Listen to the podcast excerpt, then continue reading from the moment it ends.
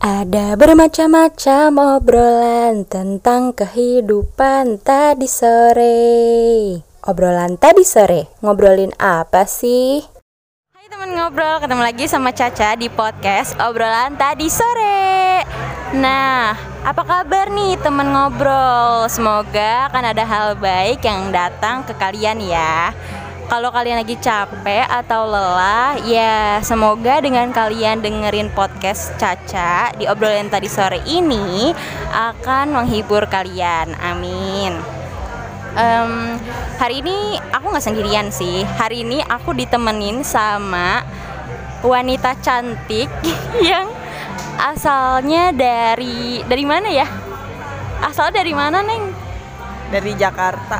Dari Jakarta. Jadi wanita cantik ini berprofesi sebagai sebagai pramugari. Coba kenalin dulu dong namanya siapa? Halo semuanya, nama aku Mita Zulewati. Kak, eh manggil siapa nih Kamita aja ya manggilnya ya. Ya Kamita aja. Hmm, Kamita. Kamita, Kamita. Maaf ya ini agak-agak eh, berisik gitu soalnya kita lagi ya udah. Hmm, aku mau nanya-nanya dong Kamita. Eh sebelumnya Kamita tuh udah jadi pramugari selama berapa tahun sih Kak? Dari 2016, berarti 4 tahun ya. Udah masuk. Oh, baru oh, ba- Ya udah masuk 4 tahun. oh, baru 4 tahun. Sebelumnya eh, sekarang Kakak lagi eh, jadi pramugari di maskapai apa sih Kak? Kalau aku di maskapai yang warnanya hijau, Citylink Indonesia. Oh, yang terakhirnya ada pantunnya itu ya Kak? Iya ada pantunnya. Oh itu. Sebelumnya nih eh, kakak selama eh, sekarang kan lagi ada di maskapai yang hijau itu. Nah pas awal-awal tuh udah ada di maskapai ini atau ke mana-mana dulu nih? Kalau aku langsung sih, kebetulan lulus SMA sempat nganggur setahun, terus niatnya mau kuliah kan, cuma ya pada ya otaknya nggak mampu ya kan, jadi ya udah tiba-tiba ada pembukaan daftar ya alhamdulillah masuk, makanya langsung masuk situ. Belum pernah di mana-mana sih, pertama itu di Citylink. Terus untuk masuk ke untuk daftar jadi pramugari itu eh, syaratnya apa aja sih dan berapa apa dan prosesnya tuh lama nggak atau prosesnya panjang nggak gitu kak? Eh, syaratnya apa ya? Ya yang pertama harus bisa bahasa Inggris ya. Karena kan kalau sekarang udah ketat banget nih kalau buat pendaftaran. Terus ya tingginya ada minimum tingginya 160 cm sama berat badan itu harus propos apa harus sama lah harus seimbang sama tingginya. Terus apa lagi ya? Pokoknya ya harus bisa tahu lah gimana pengetahuan-pengetahuan umum. Sama ntar lulus tes psikotes. Palingan itu aja sih ya. Maksudnya kayak nggak sebenarnya nggak banyak juga sih tesnya. Cuma kalau buat prosesnya emang lumayan lama karena kalau aku itu sampai tiga bulanan buat ke tahap bener-bener sampai eh, ke training. Itu tiga bulan sampai ke training setelah itu training aja kita tiga bulan baru bisa dipastiin kita bakal lulus atau enggak. Jadi pada saat proses training itu ya kita harus benar-benar belajar karena kan kayak pelajarannya itu nggak segampang yang orang-orang lihat juga soalnya. Nanti kalau misalnya kita pelajarannya nggak bisa ya bisa fail juga, bisa nggak jadi terbang juga. Gitu sih palingan. Terus eh, kita balik ke awal lagi nih. Kakak gimana sih bisa tahu kalau misalnya ada pendaftaran pramugari di maskapai itu? Misalnya tahu dari saudara atau tahu dari teman atau tahu sendiri gitu. Biasanya dari forum-forum pramugari ya atau enggak kayak di websitenya sendiri. Kalau misalnya kayak aku di Citylink berarti buka aja karir Citylink. Misalnya itu suka ada tuh job-jobnya. Cuman kalau sekarang lagi corona emang udah nggak buka kan karena kan emang ya kondisi lagi kayak gini jadi pegawai juga nggak bisa ditambah-tambahin kan. Banyak sih bisa dari Instagram, dari teman-teman, tapi ya itu dari websitenya sendiri sih. Jadi kadang suka ada terjadwal nih nanti ada pendaftaran tanggal berapa. Jadi kita bisa ngikutin gitu sih.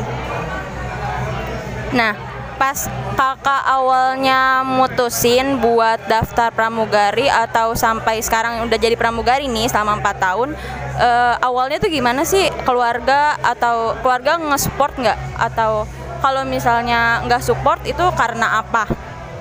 Jadi dulu sebenarnya aku kan sempet eh, sekolah aviasi kan. sebenarnya waktu sekolah aviasi itu aku masuk jurusannya staff bukan pramugari. Cuma ownernya bilang eh, aku tuh tinggi katanya sayang kalau misalnya cuma jadi staff. Udah mending coba pramugari. Oke lah kita coba ngomong sama orang tua. Awal itu sebenarnya nggak boleh karena ya tahu sendiri lah ya kadang image pramugari kan dinilai nega terlalu negatif kan. Padahal nggak kayak gitu sebenarnya cuma ya akhirnya dicoba dicoba eh, ya udah jadi deh pramugari kayak sekarang. Paling orang tuh paling ya itu doang sih cuma mengkhawatirkan omongan-omongan negatif orang di belakang. Padahal pas aku jalanin 4 tahun ya sebenarnya menurut aku semua pekerjaan pasti punya sisi negatif lah ya. Nggak mungkin nggak. Cuma ya gimana kitanya aja sih bisa membawa diri apa enggak. Gitu sih. Em, terus nih kak, pas kakak eh, tahu kakak masuk ke pramugari itu eh, apa apa hal yang pertama kali terlintas di ha- di pikiran kakak? Kalau apa terlintas pas pas keterima kayak oh pas terima. Apa ya? Ya pengen cepet dapat uang sendiri sih sebenarnya buat ya buat jajan sendiri lah buat butuhin kebutuhan sehari-hari atau buat ngebantu keluarga itu sih sebenarnya. Karena kan kayak pada saat itu kan eh, keluarga aku juga papa aku kan udah hampir kena pengurangan pegawai. Jadinya kayak ya udah kayak ya emang udah jalannya gitu loh buat di pramugari emang udah saatnya buat mencari uang sendiri kan. Dan emang karena aku kan orangnya suka main kan kayak ya enak lah bisa jalan-jalan bisa nginep ke mana-mana kayak ke Bali lah ke Jogja gitu. Itu sih kalau eh, sekarang nih udah sekarang udah ke eh, domestik aja apa udah sampai luar negeri kak terbangnya? Kalau maskapai aku itu ada ke luar negeri cuma nggak banyak ya. Kebanyakan domestik cuma luar negeri pernah lah. Ada kayak Cina ke Jeddah sama ke Australia kan ke Perth gitu ya Alhamdulillah sih kalau aku udah pernah semua ya ke Cina ke Jeddah sama ke Perth. Cuma emang schedule-nya nggak banyak. Jadi kayak ya paling kayak dapetnya cuma sekali sekali doang. Banyak kan domestik. Soalnya kan emang kalau maskapai aku itu eh, fokusnya di domestik. Soalnya kan dia low cost carrier kan penerbangan berbiaya rendah. Jadi ya kebanyakan domestik. Kalau keluar itu ya paling cuma sekali doang. Kayak di diratain gitu lah biar bisa dapat semua terbang ke sana kalau maskapai eh tadi dulu eh, kan kakak udah keluar negeri nih sama ke domestik penerbangannya kan. Terus yang menurut kakak yang paling eh, negara yang paling menarik atau kota yang paling menarik tuh apa apa aja? Dan apa yang bikin menarik? Eh yang pasti Jeddah sih ya karena ya di sana kan kita bisa sekalian ibadah. Sama ya bisa kebalat lah bisa jajan bisa beli-beli makanan-makanan sana gitu kan ya cuma kalau Jeddah ya karena emang lebih enak ya karena kita bisa ibadah sambil kerja kan. Jadi kayak nggak terlalu ngeluarin kos banyak. Cuma kalau buat jalan-jalan aku lebih seneng di Cina sih. Kayak nggak tahu ya karena selama ini setiap dapet kru yang terbang ke sana tuh enak aja gitu jalan-jalan walaupun makanannya agak susah. Cuma ya seru aja. Mungkin karena rekan kerjanya sih ya. Kalau misalnya rekan kerjanya nggak enak mungkin nggak enak juga kali ya buat nginep di luar negeri kayak gitu kan. Cuma karena krunya enak ya udah jadi kitanya enjoy. Jadi mau makanan susah kayak mau orang-orangnya bagaimana gitu kita ya enjoy aja. Karena ya emang timnya enak. Sih. berarti tuh kalau misalnya tiap penerbangan timnya diacak gitu ya kak? Iya, beda. Jadi kayak satu schedule, misalnya empat terbang empat hari nih, udah krunya yang ini habis itu terbang lagi besoknya ganti lagi.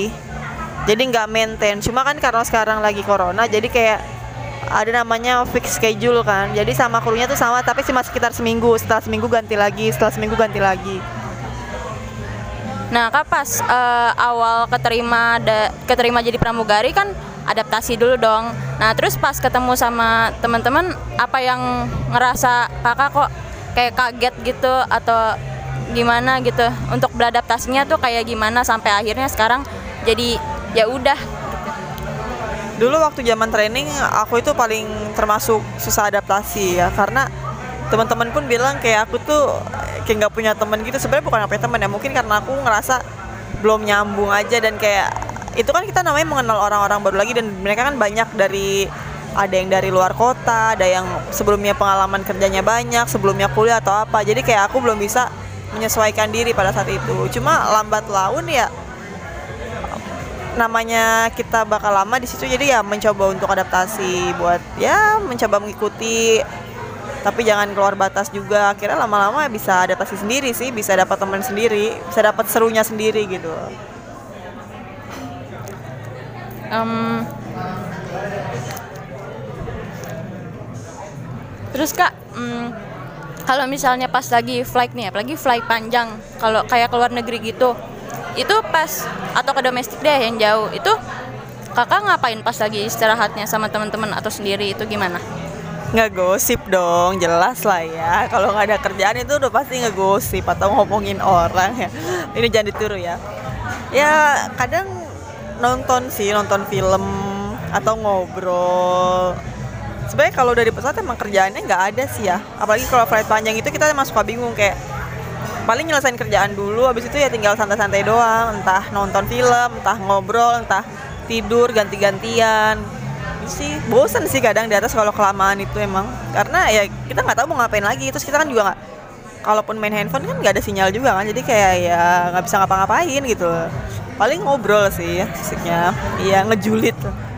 Julitin penumpang pernah? Wah sering dong, jangan ditanya kalau itu mah sering banget. pasti sih, pasti ada aja yang dijulitin penumpang tuh setiap landing itu pasti ada. Ada aja yang aneh-aneh kan. Entah ada yang ngeselin, ada yang baunya aneh. Oke banyak deh. Eh, pernah ini nggak cinlok sama penumpang atau sama kru gitu?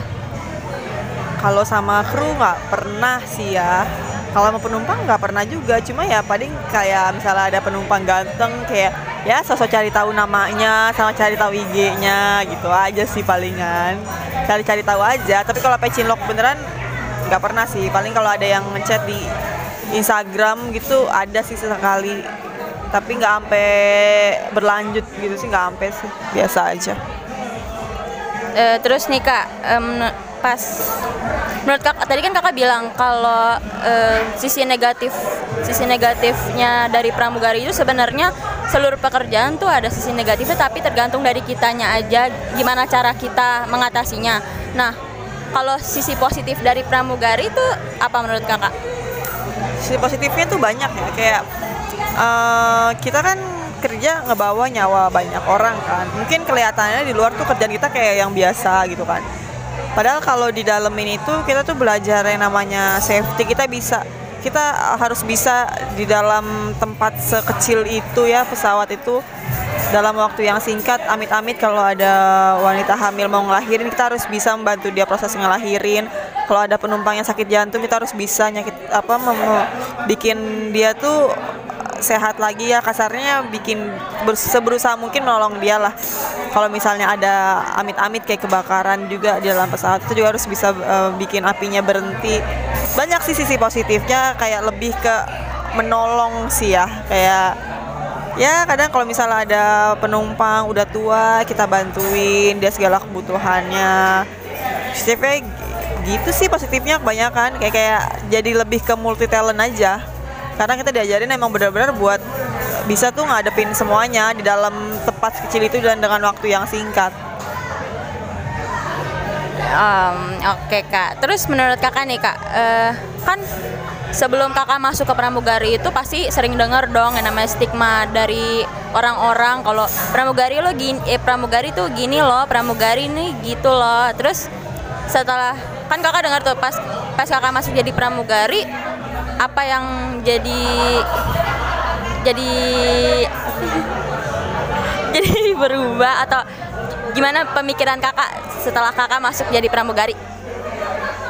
sebenarnya omongan-omongan orang itu yang negatif aku nggak bisa bilang nggak ada ya karena emang sebenarnya ada sih. Emang beberapa ada lah yang kayak gitu. Makanya aku bilang sebenarnya tuh kayak gitu emang nggak cuma di kerjaan aku aja. Kayak ya sekarang kalau misalnya orang kantor ternyata atasannya suka sama bawahannya tapi ternyata atasannya udah memiliki keluarga atau apa kan bisa juga kan. Tapi ya emang saya semua tempat pasti ada sih. Cuma nggak tahu kenapa mungkin karena kerjaan aku tuh kayak nginep kali ya nginep di luar kota. Jadi kayak orang-orang tuh mikirnya negatif. Padahal tuh kalau di dalemin tuh nggak kayak gitu. Justru kita tuh kalau emang krunya enak kita lebih ke keluargaan. Kayak kalau krunya enak tuh kita enjoy banget bener-bener kayak ngerasa keluarga enak nih terbang bareng sama dia nyaman gitu kan.